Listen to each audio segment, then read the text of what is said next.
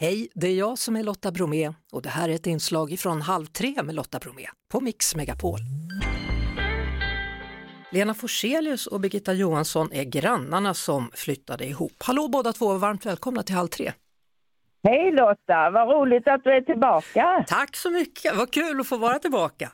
Ja. Eh, Lena, du har sagt att Ja. allt är så jäkla lätt nu. Berätta, vad betyder det? Ja men alltså, man tror ju va, när man är äldre att man har en massa grejer man måste ha och man måste liksom ha sina principer och det. Men det har, det har man släppt på nu när man är två.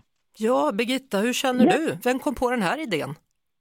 Ja, vi kom väl på idén tillsammans egentligen för att eh, det, vi, vi blev ju grannar mitt emot varandra 2017 och gick ut samtidigt genom dörren och, och sa hej, nej men jag heter så och jag, och jag heter så var det. Lena och Birgitta. Jaha. Ja. Och, och, och kallar ni er kombos nu då, eller vad heter ni? Sambos? Ja, ja men vi har kam- kombos sa vi, men en del säger att vi är sambo. Ja, ja. Ja. Eh, ni flyttade då till en större lägenhet på, är det 145 kvadrat eller? Ja, vi hade ju, vi fly, vi hade ju varsin trea så Mm. vi flyttade till en eh, femma istället på 145. Mhm.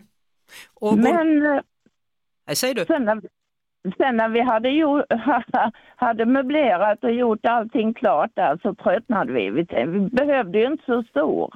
Nej, så då Nej. downsizade ni, gjorde mindre och då tog en 43 kvadratmeters, är det så? Ja. Ja. Jaha, vart tog, ja. Och vår dröm är ju att komma ut i husbil. Det var ju det som var meningen, att vi liksom gick ner så mycket i kvadratmeter. Jaha, och Ja. Vi, skulle börja träna in oss på 43 kvadrat, se om vi fortfarande var sams.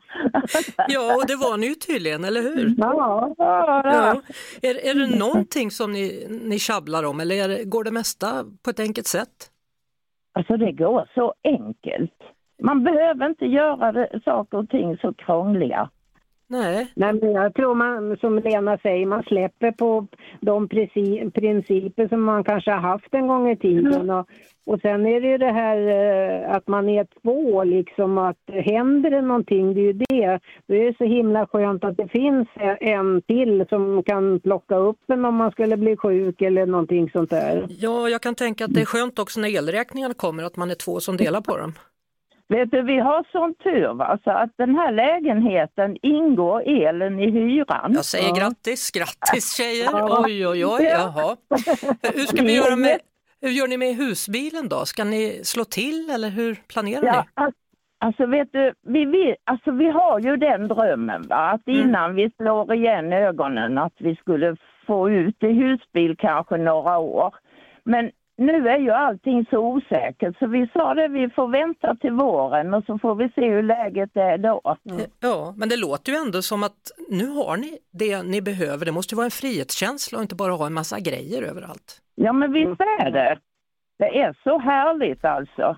Ja, Det, är det bästa vi har gjort för vi kände liksom att man kunde börja andas igen när vi gjorde oss av med Ja. massor med grejer. ja. Och det är väl Ja. jätteskönt att man kan andas ihop med någon annan också då, så man slipper Ja, känna sig precis. ensam. Ja, Ja, och vi flyttade, ju, vi flyttade ihop precis då i pandemin va, så det var ju perfekt. ja, där satt ni. Och Ja, höll varandra sällskap. Ja, vad härligt! Ja. Eh, Ja. Lena Forselius och Birgitta Johansson, jag önskar er lycka till då med vidare framtidsplaner här och så får vi hoppas att Ja, det blir men- en liten tur till våren. Ja, det hoppas, Det vi, hoppas också. vi också, Vi ser fram emot det. Ja, Tycker jag ni ska verkligen. göra. Ja, Ha det så bra då!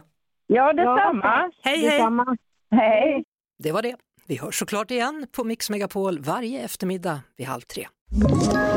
Ett poddtips från Podplay. I fallen jag aldrig glömmer djupdyker Hasse Aro i arbetet bakom några av Sveriges mest uppseendeväckande brottsutredningar. Går vi in med hemlig telefonavlyssning och, och då upplever vi att vi får en total förändring av hans beteende. Vad är det som händer nu? Vem är det som läcker? Och så säger han att jag är kriminell, jag har varit kriminell i hela mitt liv men att mörda ett barn, där går min gräns. Nya säsongen av Fallen jag aldrig glömmer på Podplay.